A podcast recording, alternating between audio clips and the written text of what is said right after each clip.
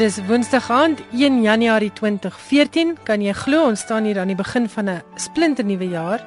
Baie welkom by Skrywers en Boeke saam met my Elsje Salzwetel. En ja, ek hoop jy het 'n fantastiese jaar. Ek hoop jy het baie boeke om te lees en ek hoop om jou elke Woensdag aand in Skrywers en Boeke daarmee ietsie meer van die boekewêreld te kan vertel.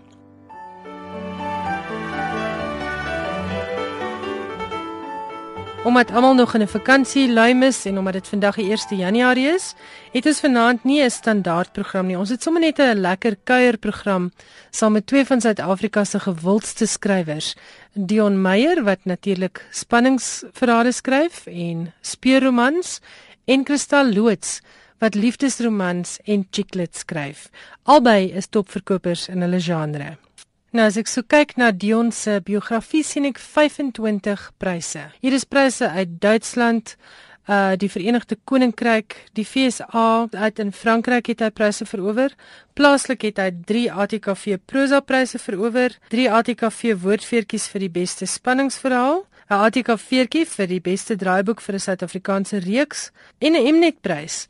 Nou ja, dit gaan net aan en aan. Ek sien hy was hy ook op die kortlys vir die Sunday Times se letterkundige prys. Nou ja, sonder om verder tyd te mors, kom ons hoor wat sê Dion Meyer. Dion, baie welkom. Baie dankie Elsje, dis 'n voorreg om saam te kuier. Jy is hier met 'n nuwe boek. Cobra. Nou vertel gou gou vir ons, maar sonder om na die verrassing weg te gee, waaroor gaan Cobra? Dis met jou toestemming, ek is vrot daarmee om 'n om 'n neutedop weergawe van 'n boek te gee, so ek gaan voorlees uit die uit die uh, spogblad hier uit die boek uitself. Die laaste ding wat kaptein Benny Griesel van die Valke nodig het, is moeilikheid. Want hy suip dalk alweer. Hy lieg vir sy kollegas en sy AA borg en die intrek by Alexa Barnard was 'n fout, 'n karnalie van 'n fout. Maar die gastehuis bloedbad buite Franshoek is die werk van 'n professionele laksman. Drie slagoffers, drie perfekte kopskote.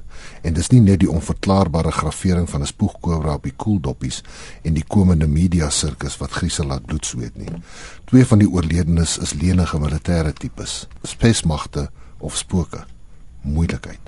Heel agter in die hoofslaapkamer is tekens van 'n gestoei en te veel bewyse dat iemand ontvoer is, besmoontlik 'n buitelander groter moeilikheid. Maar die paspoort is vals, die Britse konsulaat speel spionasiespeletjies en dieselfde huurmoordenaar slaan toe by die Kaapse waterfront. Boonop neem die staat se duistere sekuriteitsagentskap die ondersoek oor en die valke moet 'n vlugtende, baie vaardige Kaapse sakkeroller dringend opspoor om hul eer en die demokrasie te red. Maksimum moeilikheid. En 'n baie verwikkelde plot, want hierso is nou allerlei aspekte van 'n misdaadthriller hierso in hierdie boek saamgevat. Ja, ek dink die meeste van my intriges is redelik verwikkeld. Ek geniet dit om uh, meer as een storielyn byvoorbeeld te hê. Ek dink dit help baie om die om die spanningslyn uh hoog te hou en die tempo lekker vinnig. Ek het vir luisteraars gevra om vir my vrae te SMS en hulle wil baie weet van jou skryfproses. Kom ons praat oor jou skryfproses. Waar begin 'n storie? sien jy 'n koerantberig met 'n storie en jy dink uitstekende plot en dit begin daar begin dit by 'n karakter. Dit is seker die moeilikste vraag om te beantwoord omdat dit met elke boek verskil. Uh Cobra spesifiek het ek 'n klompie jare gelede en ek kan nie onthou nie omdat dit seker 5, 6 jaar gelede al is. Dink dit was 'n polisie kontak wat my vertel het van 'n van 'n baie beroemde of 'n berugte sakkeroller in die Kaap uh wat wat afgetree het en hy het my staaltjies vertel en wat ek voortdurend doen met inligting wat na my toe kom of dit nou koerantberig is of dit 'n storie is wat iemand vir my vertel, 'n mens speel 'n wat sou gebeur het as speletjie ek ek doen dit met met omtrent alles wat wat ek wat ek hoor of lees en die speletjie wat ek toe gespeel het is wat sou gebeur het as so 'n sakkeroller iets steel wat vir ander mense per ongeluk iets steel wat vir ander mense baie waardevol is. So dit was die een oorsprong maar eh, 'n uh, storie het nooit nooit net 'n enkele oorsprong nie. Die ander uh ding wat wat ek daarby kon voeg later was 'n uh, New York Times onthulling dat die CIA 'n algoritme ontwikkel het wat hulle in die Swift finansiële stelsel ontplooi om om terroriste te identifiseer. Uh dit was my 'n gewellige interessante ding geweest dat selfs ons finansiële geskiedenis, die manier hoe ons geld ontvang en geld onttrek en ons finansiële profiel. Uh jy weet wat die CIA en later dan ook die die Britse intelligensiedienste gedoen het was om byvoorbeeld te kyk as uh as iemand 'n groot klomp geld ontvang vir veral uit die Midde-Ooste of uit uh, Pakistan of of Afghanistan, maar die persoon het nie 'n huislening nie, hy het nie 'n oortrokke uh fasiliteit, fasiliteit nie.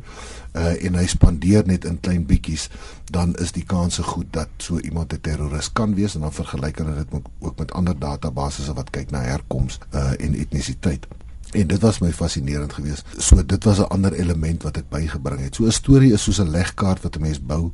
Nie al die stukkies van wat jy hoor pas nie, maar as mense voortdurend besig om stukkies aan mekaar te las om te kyk of jy nie iets daaruit kan kry nie. Ek was verlede jaar by die Bloody Book Week, was ek by 'n werkswinkel wat aangebied is waar Jeffrey Deaver en John Connolly en Mike Nicol gepraat het en ook Mark Gimenez oor hulle skryfmetodes.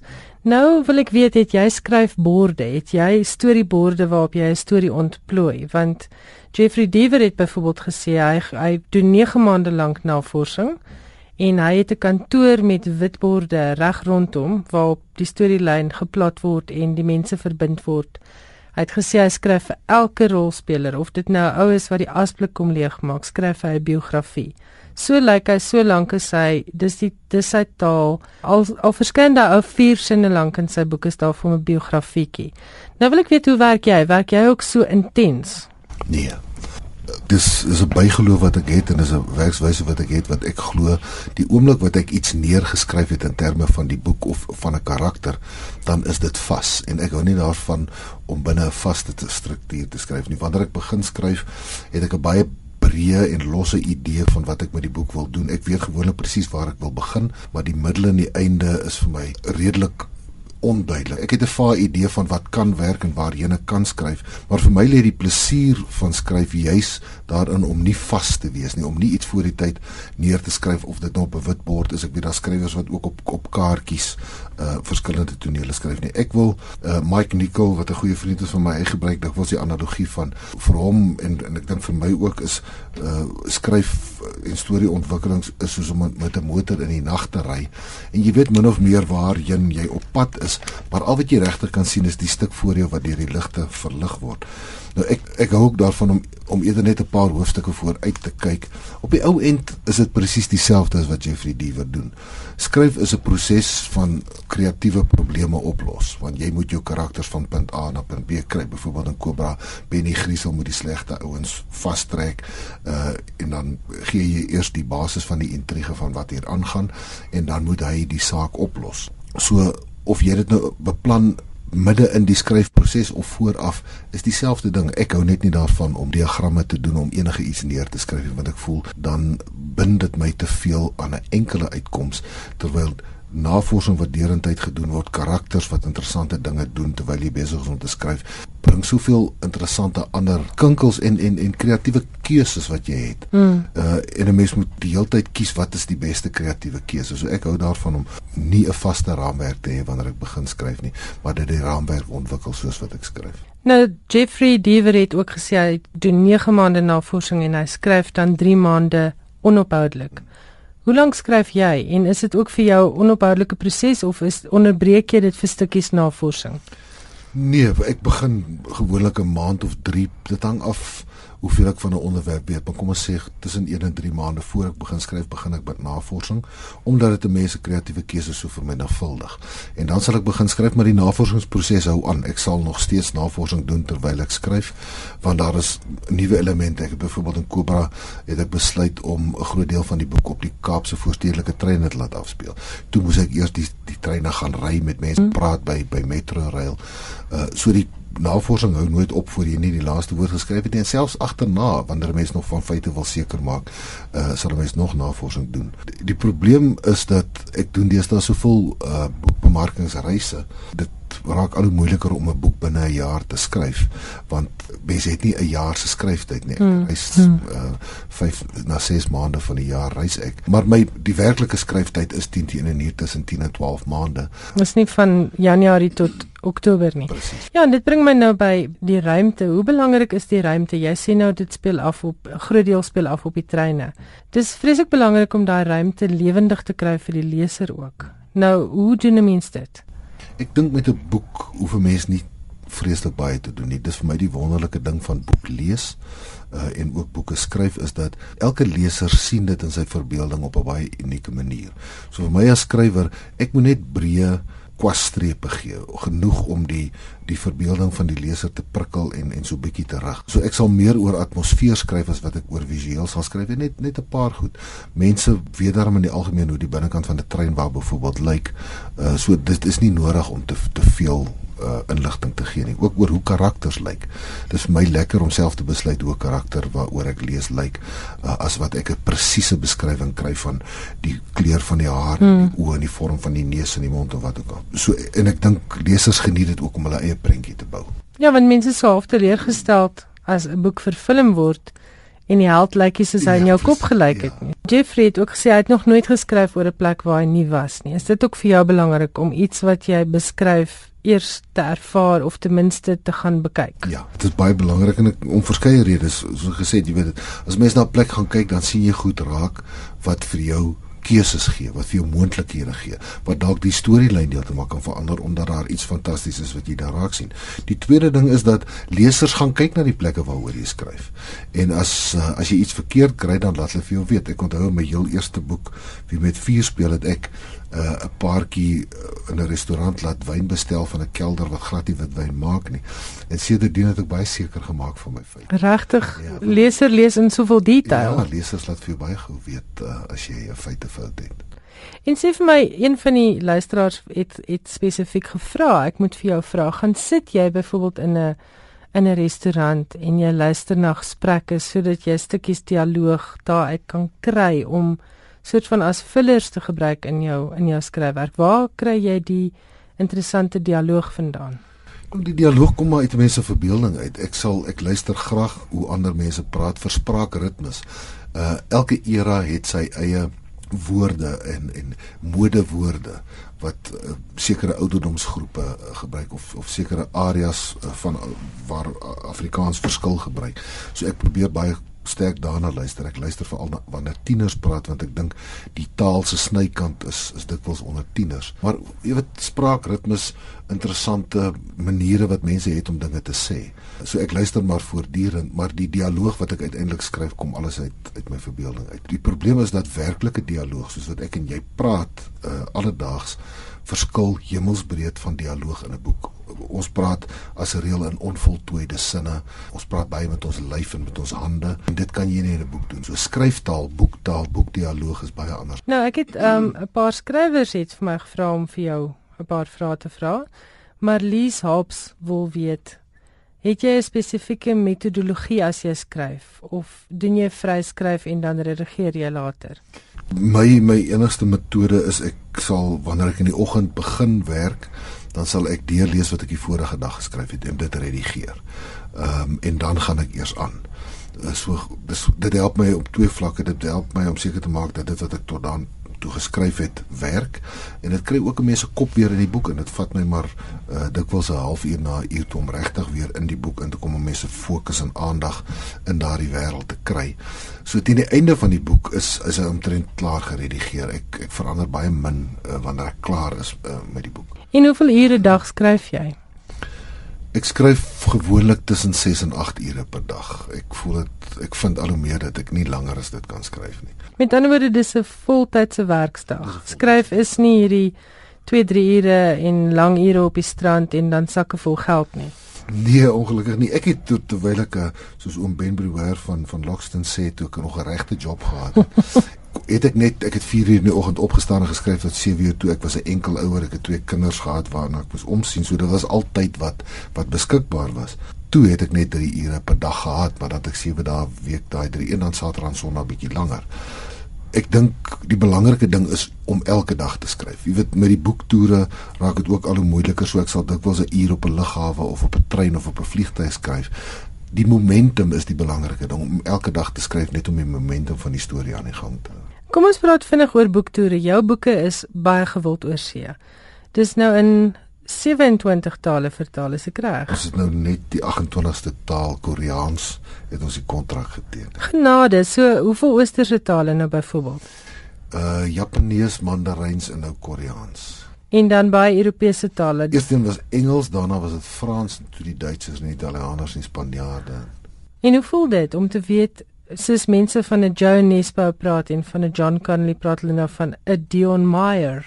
Ek veronderstel hulle kan dit nie reg sê nie. Nee, die Franse en die Duitsers en ek dink die Skandinawiërs ook daar is Meyer die uitspraak is is, is Meyer en in in die Germaanse tale dieselfde. Ilse dit voel baie onwerklik. Ek elke keer nog wanneer ek in 'n oorseese boekwinkel inloop en ek sien my boeke daar dan dan voel dit nie vir my regtig nie. Ek is 'n ouetjie wat van Klerksdorp afkom. Jy weet dit dit is net onwerklik. Ek het nooit ge, eers gedroom dat dit sal gebeur nie. So dit is vir my nog elke keer 'n 'n heerlikheid en so 'n bietjie van 'n skok. Jy is 'n bemarkingsman. Dit is jou dit was jou regte werk, was bemarking. Ja, ek het in reklame gewerk. Ek was eers joernalis en toe het ek lank in reklame gewerk. Nou wil Solet Skeerus, sy skryf wonderlike kinderboeke. Sy wil weet of jy baat vind by sosiale media as jy jou boeke bemark. Hoe hoe bemark jy? Want jy het vir jouself 'n handelsmerk geskep. En ek dink daaroor was jy redelik duidelik van die begin af. Jy is jou eie handelsmerk en jy het hard gewerk om 'n handelsmerk te skep. Nou, as jy raad het vir ander mense, hoe doen jy dit? Weet jy my raad aan ander skrywers is altyd hou aan met skryf. Ek het met ouens soos soos Ian Rankin en Michael Connolly al gesels vroeg in my loopbaan en hulle het vir my die raad gegee en gesê 'n mens bou jou gehoor boek vir boek. Uh Michael Connelly dink ek moes sewe boeke skryf voor hy sy sy dagjob kon los. Hmm. En Rankin moes eers kon eers na 9. Jy bou jou gehoor boek vir boek. Dink minder as 1% van skrywers is oornag suksesse wat met hulle eerste boek 'n groot deurbraak behaal die 99% van die res van ons moet uh 7 8 9 10 boeke publiseer voordat hulle 'n kritieke massa van lesers kry.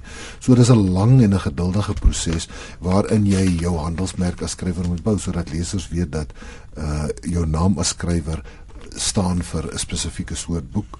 Ehm uh, so jy moet maar net aanhou met skryf. Ek dink die sosiale media uh is is nutteloos in terme van die bemarking van 'n boek. Daar is die beste manier van bemarking is mense wat vir ander mense vertel van 'n lekker boek wat hulle gelees het. En uh, dit is ek dink dit maak 80 na 90% van alle bemarking uit. Die rede hoekom mense boeke koop is omdat hulle van ander mense gehoor het dat dit uh, 'n lekker boek kan wees. En om dit te bewerkstellig moet jy aanhou met publiseer.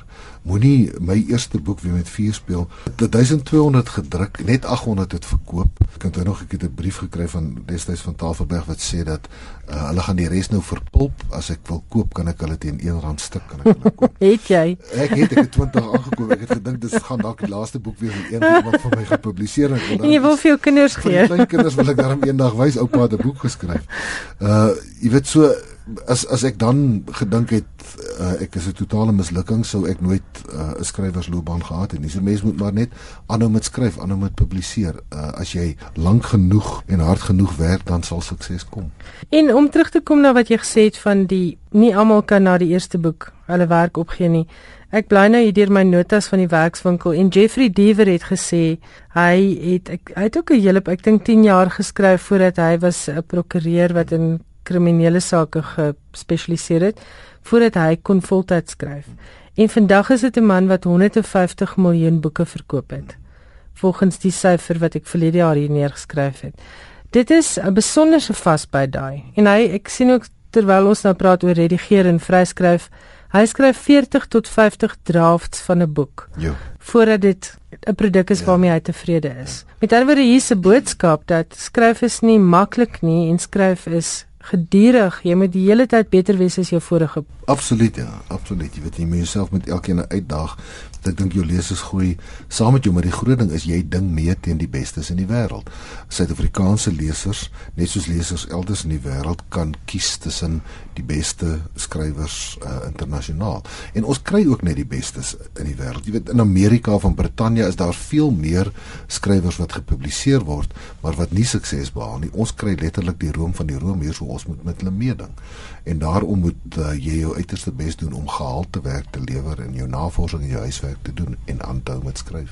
Weet jy hoeveel boeke het jy al verkoop? As ons nou na die 28 tale toe gaan. ek hou die telling nie, Ilse. Ek ek weet regtig nie. Ek skryf nou al 20 jaar en dit is baie moeilik om al die somme bymekaar te. Op 'n ligter noot, Ilse Roggeband wat nood vir dood geskryf het, vra ek moet vir jou vra, Hoekom trek jy vir Benny Griesel voor? Hoekom kry Benny meer boeke as Matthew Bear of Zatopek van Heerden? Weet jy, ek werk nie in terme van karakters wanneer ek begin werk nie. Ek vir my kom die storie eerste. En wanneer ek 'n storie het waaroor ek opgewonde is, 'n storie konsep wat uh, wat ek van hou, dan sal ek begin dink aan karakters. En ek dink dis half toeval en dis ook nie hele waarheid nie. Eels is my nie vergewe as ek nie volle waarheid. Ja, ek ook nie hoor. maar maar dit is dis deel daarvan is dat ehm um, ek dink die afgelope klompie jare was daar meer stories wat vir Benny geskik was. Maar da, dan dink ek is daar ook die ander kant van die munt en dit is lesers reaksie wanneer die groot oorgrootste meerderheid van lesers sê hulle so mal oor Benny dan dink ek in jou agterkop gaan jy tog maar so 'n bietjie voorkeur gee aan aan Benny vriendelike stories om dit so te stel. Maar hoekom hou hulle meer van Benny? Is dit omdat Benny kan ons sê flaws het? Ja, ek dink Benny is is regtig of ek probeer hom so menslik as moontlik maak. Benny is 'n is 'n man vol swakhede, maar daar's ook 'n sekere edelheid aan hom. Uh hy's 'n man van groot integriteit al het hy soveel swakhede. Op die ouend weet ek nie regtig nie. So daar's daar's ook baie mense wat byvoorbeeld van Lemmer hou. Vroue veral is mal oor Lemmer. Ek weet nie mooi hoekom nie. Ehm um, so dis 'n baie moeilike vraag om te beantwoord, maar daar is regtig 'n groot element van dat die stories wat ek die afgelope tyd gehad het was meer geskik vir Benny. Die boek wat ek volgende jaar wil skryf, gaan Benny glad nie inwees nie. Nou soos watter van jou karakters is jy? Nou wie aard jy? Benny, Mat, Zatopek, 'n skurk? Nee. ek dink Matthew Bear het dalk die meeste van my eienskappe omdat hy 'n baie vroeë karakter was en ek dink in 'n in 'n mens se vroeë loopbaan dan sit jy dalk meer van jouself uh, in karakter soos wat jy leer om karakterontwikkeling te doen. Gelukkig weet net ek watter dele van my Nee, maar ons wil nou ook weet, hoor, jy nee, mag nie by die ateljee uitstap voor jy nie sê nee, nie. Nee, ek gaan glad nie sê nie. Ehm, um, maar ek dink Matthew Bear maar maar Matthew Bear is nog steeds nie ek nie. Daar's net sekere elemente uh in dalk sekere lewensfilosofieë wat wat ons deel. Maar dis ook een van daai vrae wat wat 'n duisend antwoorde het want ek dink omdat al die karakters uit jou kop uit kom is daar ietsie van jou in elke een van hulle ek het ek het regtig probeer om om sedert infanta karakters te skep wat heeltemal ander ideologie en filosofie as ek het en wat ek wil direk in in stryd met myne is want ek dink so kry 'n mens dieper perspektief oor jou omgewing ook uh, maar maar daag dit jou ook uit om om dieper te dink oor die psigologie van die karakters. En as jy nie 'n skrywer was nie, sou jy 'n speurder wou wees? Is deel van hierdie hierdie genre wat jy gekies het dalk omdat jy regtig waar graag raaisels oplos? Ja, dis 'n moeilike vraag. Ek het ek het te veel respek vir die spelers wat ek ken om ja te sê. Ek dink hulle het so 'n unieke aanleggende talent en en die persoonlikheid wat uh wat 'n klomp dinge kan hanteer dat ek ek sal nie uh myself aanmatig om te sê dat ek 'n speler sou kon word nie. Ek dink sou verskeie interessante werk gewees het.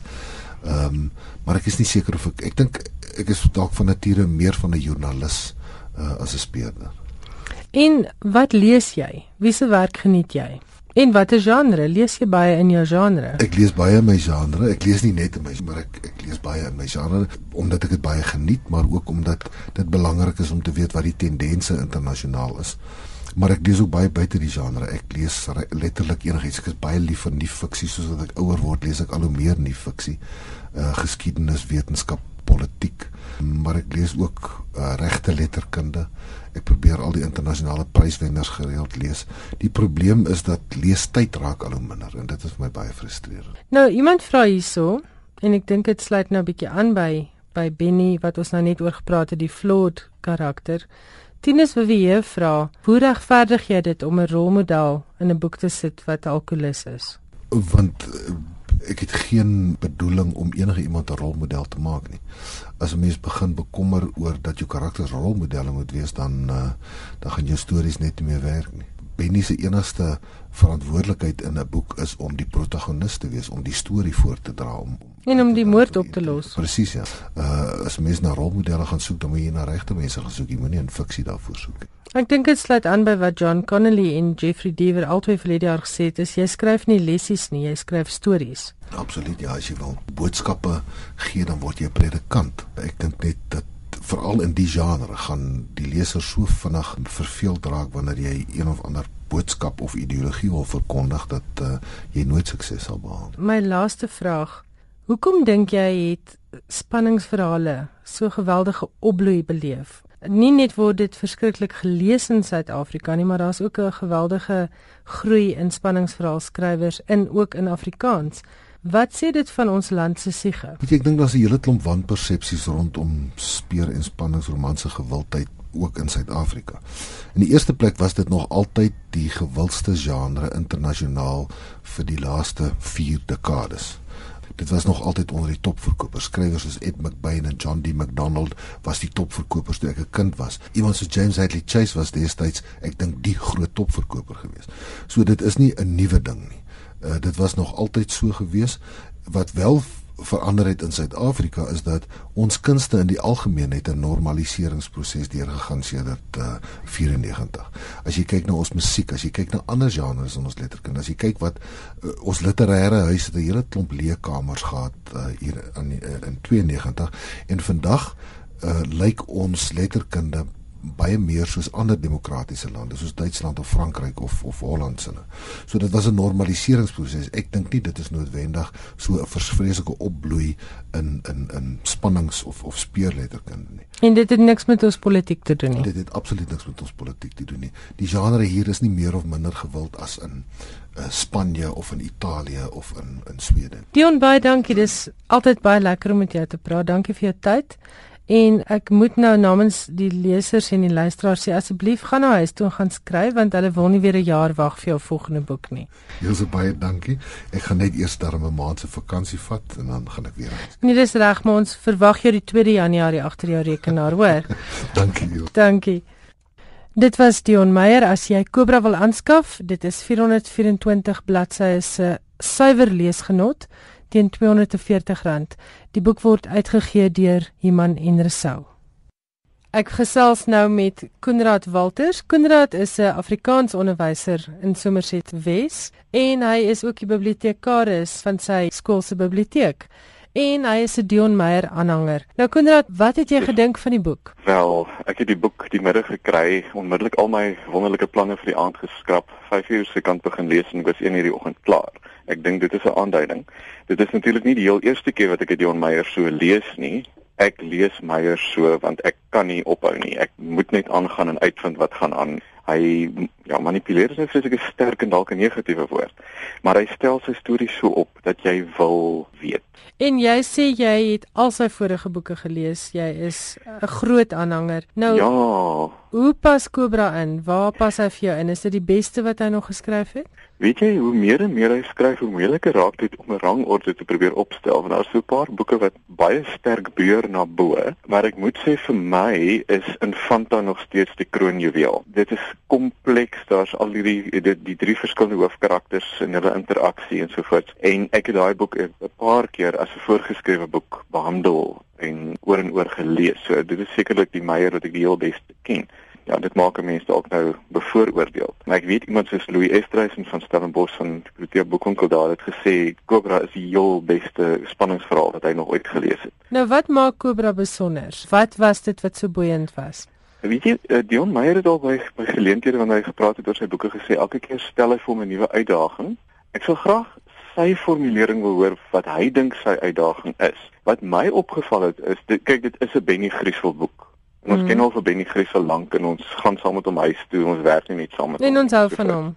En ons hou van hom. Ja, ten spyte van al sy geite en sy probleme en dinge, ons stel belang, ons gee om vir hom. So dit sit hy voort. Maar wat wat hier vir my gebeur op 'n baie subtiele manier amper is dat van die ander karakters soos Mbali Kaleni en Von Cupido ensovoorts van sy kollegas kom sterker deur. Hulle lyk meer na 'n span wat saamwerk. Dis nie Benny wat die groot figuur is wat voorloop en al die ander trippel agterna en vang klein goedertjies op nie. Mm, mm. Dit is hierdie spangevoel en ek dink dit maak dit ook boeiend. Ja, en dis die eerste. Ek wonder hoe Meyer dit gaan ontwikkel in die toekoms. Nog 'n ding wat mense boeiend uh, vind is die feit dat hy hierdie karakters inbring. Natuurlik ons hou nie van sakkerollers nie want hulle steel ons goed. Die rede hoekom hy dit doen is fascinerend en dan brei dit net uit en dit raak al hoe meer gekompliseer. En dan natuurlik soos in die vorige Meyer boeke, soos hy vir jou sê ook as hy oor 'n terrein skryf, gaan hy soontoe en hy meet dit op en hy neem dit af en en dit is so realisties. So die treinryery en die stasietonele en die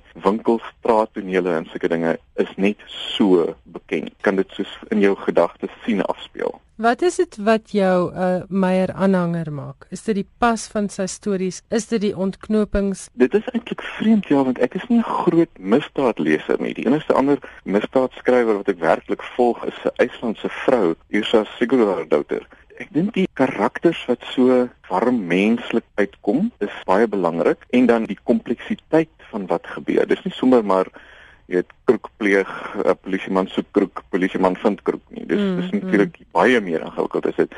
En die manier waarop hy die Suid-Afrikaanse realiteit en daarvan praat ek natuurlik ook van die politieke realiteit en die internasionale misdaadtoneel betrek. So, dis ook fascinerend. Ek onthou hoe dit my maag omtrent oopgeval van verwondering en onsigbaar toe daardie intrige om omtrent die die Samora Machel vlug ja, deel word van ja. die storie. Ja, want dis is dis 'n stukkie geskiedenis wat ons nie ken nie, né? Ja, ja. En jy baie mense het daaroor gewonder en dis omtrent uh, ek weet nie heeltemal so ons eie JFK nie, maar dit is daai een van daai goeters wat ons seker nooit werklik die waarheid gaan weet nie. En so gesels Konrad Walters oor Dion Meyer se jongste boek, Cobra. Ek gesels vanaand met Kristal Loots. Nou Kristal het baie min bekendstelling nodig. Ons wat al lank al lees het haar raak gelees as kortverhaalskrywer in tydskrifte en sy het sedertdien 'n hele rits boeke geskryf. Kristal, baie welkom. Dankie. En hoeveel boeke het jy op jou kerfstok? In totaal 46 boeke. Die die kortverhale en die novelles is moeilik om vir jou 'n totaal daar te gee want uh, ek het heelwat in tydskrifte gepubliseer en daarvoor eer ek graag mense soos Benny Fritz en Ismail Mitner, Cordelia Fourie, later jare Cecilia Brits, Cecilia van Sail en Andre Leroux, natuurlik ook uh, Leon van Heerden wat van my kortverhale en vroue keer gepubliseer het. Sou jy sê dis 'n goeie mark om jou vaardighede te slyp? Is dit 'n goeie genre om in te begin wanneer jy wil aanbeweeg na groter skryfwerk? Ja, ek weet nie of jy noodwendig daarmee begin nie. Ek weet net vir my het dit gewerk. Jy weet, ek het daardie 'n selfvertroue gekry en daai aanmoediging wat nou net nodig was om verder te gaan. Nou waar het die skrywery vir jou begin? Ek gesê van hoërskooltyd af. Ek was een van daai tipiese klein dorpse bleeksieletjies. Daar het veel met my gebeur nie, maar as daar iets slag iets gebeur het, het ek dit vreeslik opgeblaas. Jy weet dit was 'n behoorlike drama en ek het dit neergeskryf, eintlik opgeteken in my dagboek. En sulke groot letters en baie uitroeptekens wat ek nou daarvoor gebruik. En jy weet daai ontlading wat daarmee saamkom om iets uit jou gestel uit te skryf, is iets wat ek nog nie van ontslaag geraak het nie. En ek wil ook hê dit werk beter as terapie en dan word jy nog betaal op daarvoor. Ek was gelukkig genoeg ook om by 'n ATKV skryfskool aan te sluit. My groepleier was Petra Miller, hierdie moederowerste van die taal het het my so aangemoedig. Die oomblik toe sy vir my sê daar is iets in my skryfwerk het ek daai laaste stootjie aanmoediging wat ek nodig gehad het gekry en ek het my hand gewaag aan iets langer en wonderbaarlik genoeg is die eerste manuskrip wat ek vir die destydse JP van 'n Waterstofie het is toe daar aanvaar. Nou hoe werk die skryfproses vir jou? Kry jy eers 'n karakter of kry jy eers 'n idee? Nee, ek ek sou sê dit begin seker, weet jy, ek weet ook nie want die idee en die karakter is so nou verbind met mekaar dat jy nie regtig die twee kan skei nie.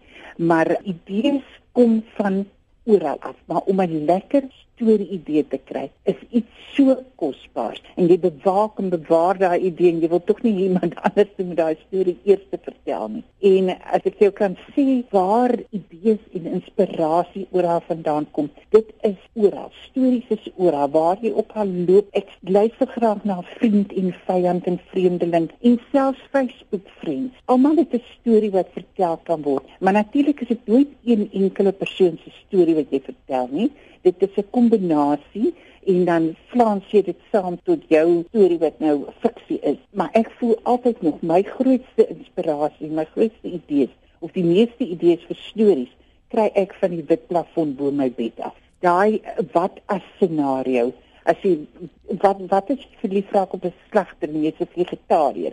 Daai tipe van ding.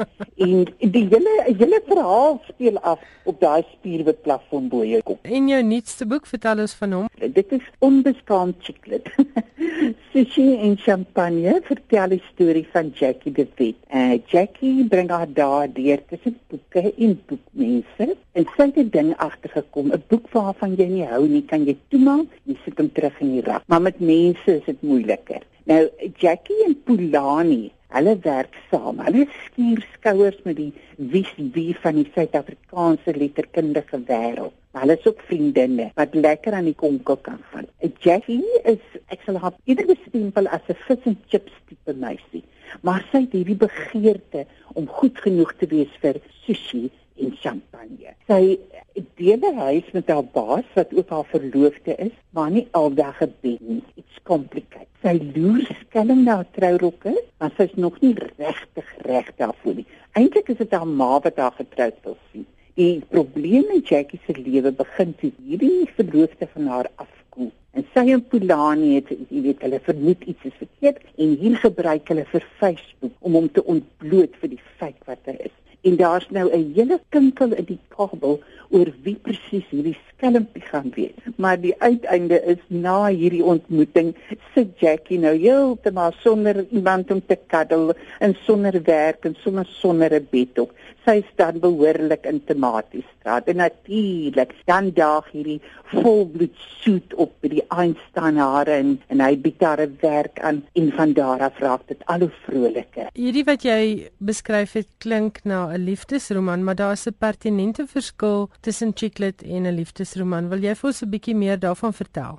Ja, word eintlik onderskeid getref tussen drie soorte liefdesverhale in Afrikaans. Nou, die romanse word gewoonlik beskryf suiwer as fantasie vir volwassenes. Dis die volwasse weergawe van die feesverhaal wat ons so bekoor het. Dit word iets so effens anders vertel. Ek sê altyd Sneeuwwitjie word nog steeds deur die prins wakker gesoen, maar hierdie keer is haar tong by.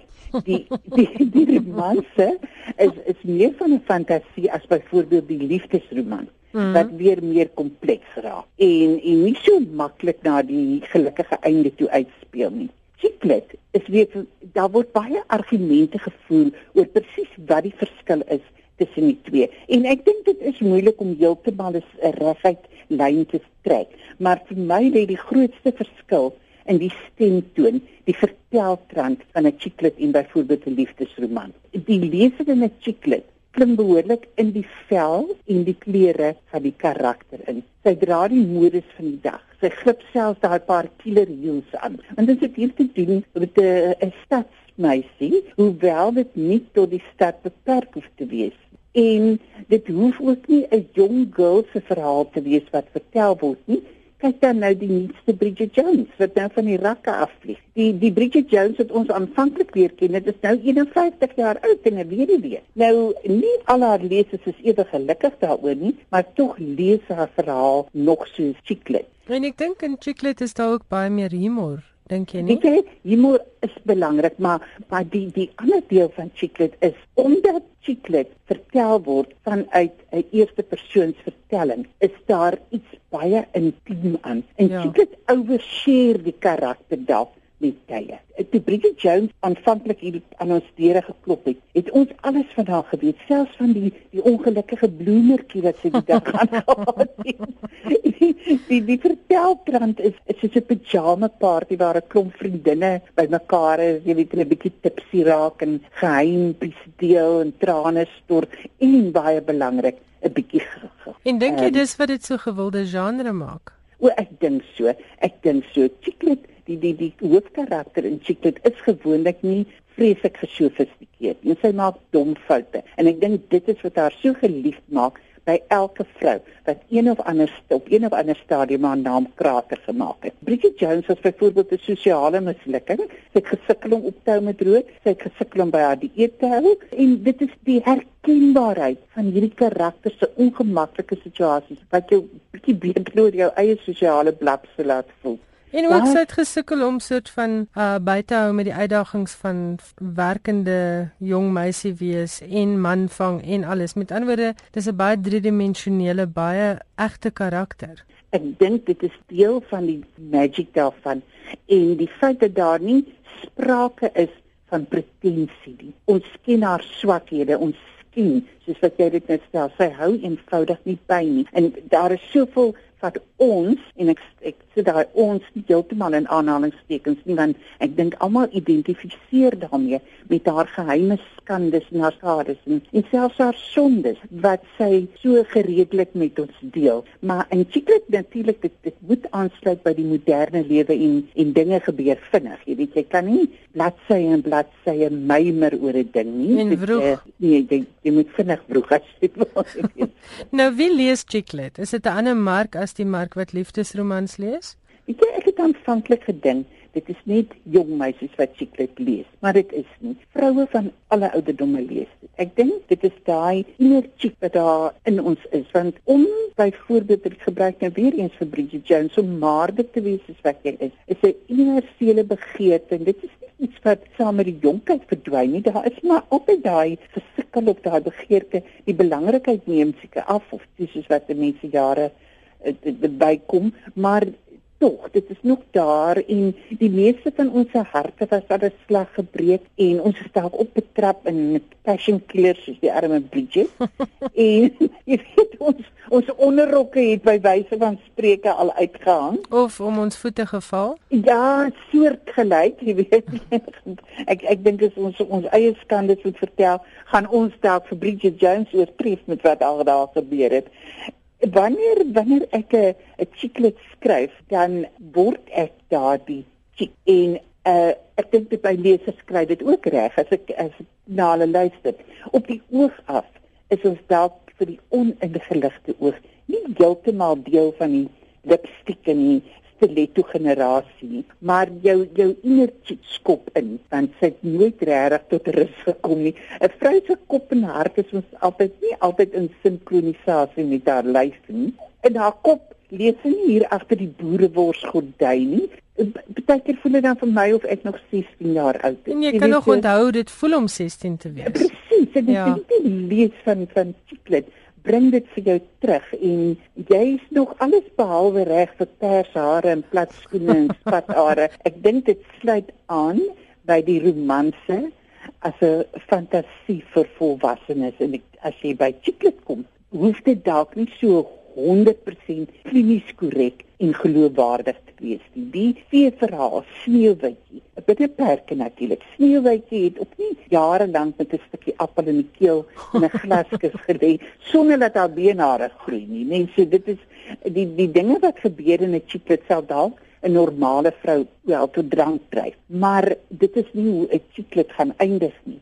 Wat interessant is, is dat Chiclet se gelukkige einde stem nie altyd ooreen met die tradisionele liefdesverhaal se gelukkige einde nie. Ja, want sy kry nie die held waarop jy op bladsy 1 die oë op lê nie. Nee, sy kry nie noodwendig vir hom nie, sy kry dalk vir Darcy. Weet jy sy hoef nie eers noodwendig die held te kry nie. Kyk, ja, sy dalk 'n feministiese streepie. Sy kan dalk heeltemal iets anders te besluit en dit kan die gelukkige einde wees. So dit is nie die tradisionele hand aan hand die horison tegemoet met vioolmusiek gewoonlik waarmee chiclet eindig nie. Ek dink dit soms vir my min of meer die verskil tussen 'n chiclet en 'n 'n liefdesromanse. Sê vir my hoekom skryf jy? Want ek let op jy's 'n verskriklike produktiewe skrywer, jy's gedurig aan die skryf. Wat is dit wat jou dryf? Ek dink die kort antwoord daarop is om my sanity te behou. Ek dink soos wat lesers lees om te ontspan en te ontvlug, dink ek in baie gevalle is dit presies dieselfde rede waarom skrywers skryf. Dit is nie net vir die relatiewe roem en rykdom nie. Dit gaan daaroor om die werklikheid te ontsnap. Baie keer is dit natuurlik ook jou eie verhaal wat jy vertel oor en oor en oor maar vir op verskillende maniere. En wat is nou beter as om 'n gehoor te hê wat na jou luister en in jou boeke lees? Terselfdertyd is dit die gedagte hier aan wat my 'n bietjie laat steier want 'n skrywer vir alle liefdesverhale skrywer het 'n sekere verantwoordelikheid teenoor haar leser. Jy moet die manuskrip waaraan jy werk moet jy lees. Jy moet dit beleef. In daai paar maande moet jy werklik gedurig 'n draai by jou karakters gaan maak. Daar moet 'n betrokkenheid by jou storie wees wat net gaan werk as 'n mens jy, jy gaan dit lees, jy gaan dit jy gaan dit kan aanvoel. In die boek Eendag mooi het ek eh, 'n uh, verhaal vertel van 'n vrou wat 'n baie hartseer ding oorgekom het. Dit het baie verdoor en dit was vir haar baie swaar. En elke keer wanneer ek daai deel van die boek lees, raak ek ontsettend hartseer. En eintlik het ek al genoeg trane gestort toe ek geskryf het. Ek mm. glo regtig skrywer moet daar so in 'n toneel inleef dat sy as sy nie self 'n traantjie gaan stort nie, gaan haar lesers dit ook nie doen. Jy moet emosioneel uitgep geput word deur die wel en die wee van jou karakters. Jy moet so betrokke wees dat jy oor hulle bekommerd gaan wees. In hierdie era met die tegnologie en, en spesiale effekte en groot geraas en geblaas, kan jou boek nie te vaal en flouerig wees nie. En uh, 'n skrywer moet jou wat van haarself in 'n boek insit om om daai boek geloofwaardig en sterk emosioneel te maak. Jy skryf in eendag mooi en in die ander vrou is daar 'n tweelyk. Nou het jy beplan om in die een boek oor die verstote vrou te skryf en in die volgende boek oor die ander vrou. Nee, nie aanvanklik nie, maar soms kom 'n storie mos na mense toe aangestap soos 'n engel wat verdwaal het en met hierdie twee boeke het ek so pas selletjie gekry. Dit vertel die verhaal van eintlik meer van my vriendinne en kennisse, 'n ware verhaal weer eens wat saamgevlaans is om fiksie te maak. In beide hierdie boeke wat deur Lapa uitgegee is, het ek die verskrikking van egskeiding probeer uitlig. Aanvanklik net die vrou wat deur die egskeiding geraak word. Daar is niks niks aan egskeiding nie, maar ek dink miskien het ons so afgestomp geraak vir die gevolge wat dit inhou vir die hele gesin dat ek dit ook van weer 'n bietjie wou beklemtoon want dit kring baie verder uit as net die vrou wat verlaat word. As mens net dink aan die oupas en oumas, die ooms en tannies, die vriende, die huisvriende saam met wie die gesin gebraai het en gekuier het, almal met hierdie kopskuif maak en daar's vir almal 'n verlies in. Natuurlik hoofsaaklik vir die kinders. En dit is vir niemand maklik nie, maar daar het 'n aspek van egskeiding vir my te voorskyn gekom wat vir my nuut was en dit was die verlies wat die persoon wat uit die huwelik wil losbreek lei. Aanvanklik tref dit hom of haar dalk nie so nie. En dit het ek dit was gesien dat daardie euforie aan die begin maak jou sinne stom, maar later wanneer die witbrood verby is, dan kom daar 'n verlange terug na dit wat jy verloor het. Na die bekende. En die bekende, jou ou lewe, jou lewe soos wat jy geken het, jy neem afskeid van 'n leefstyl wat jy jare lank geken het en beoefen het en jy was nie noodwendig die hele tyd ongelukkig daarin nie.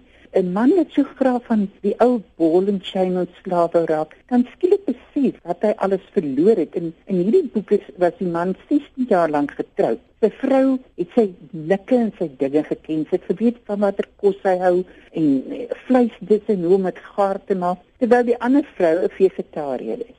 nou aan die begin sien jy net die ha blonde haarlok en die cleavage raak.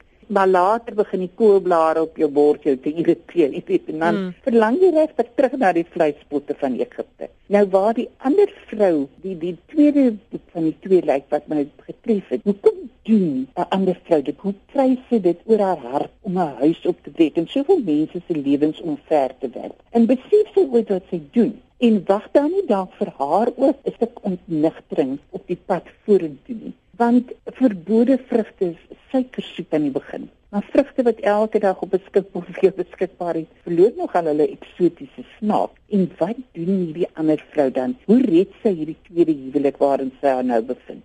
Nou 'n ander vrou is gewoonlik nie 'n baie gewilde karakter nie. En ek moes probeer om met die boek die ander vrou vir die leser te wys iets sien vanuit 'n ander hoek. Waarom dit soms gebeur dat vroue dit doen. Ek het nie probeer voorspraak maak of verskoning vra vir haar nie. Ek wil net die storie vertel want die egskeiding en die tweede huwelik is ook nie noodwendig vir die ander vrou hemel op aarde nie.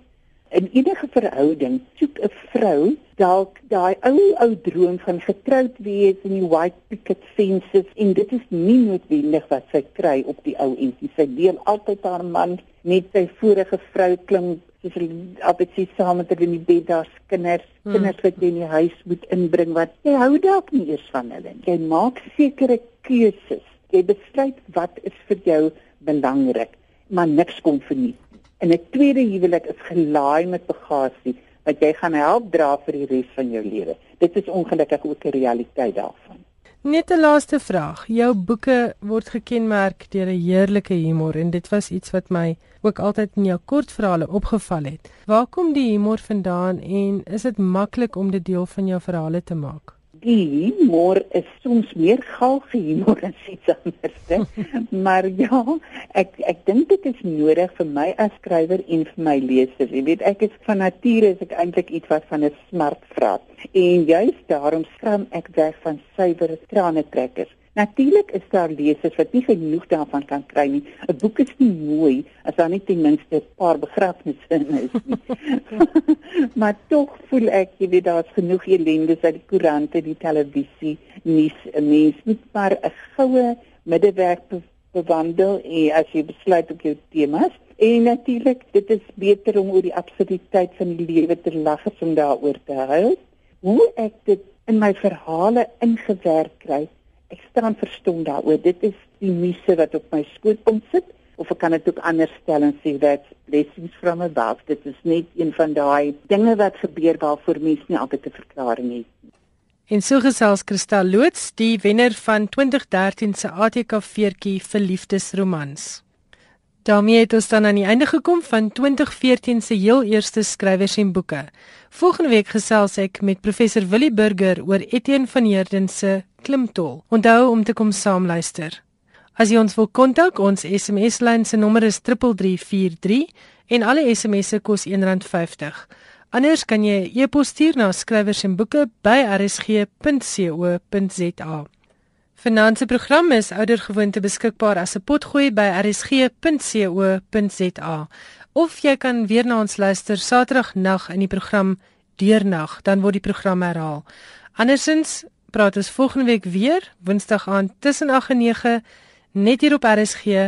Dis ek Elsje Salzwetel wat groet met skrywers en boeke. Lekker slaap.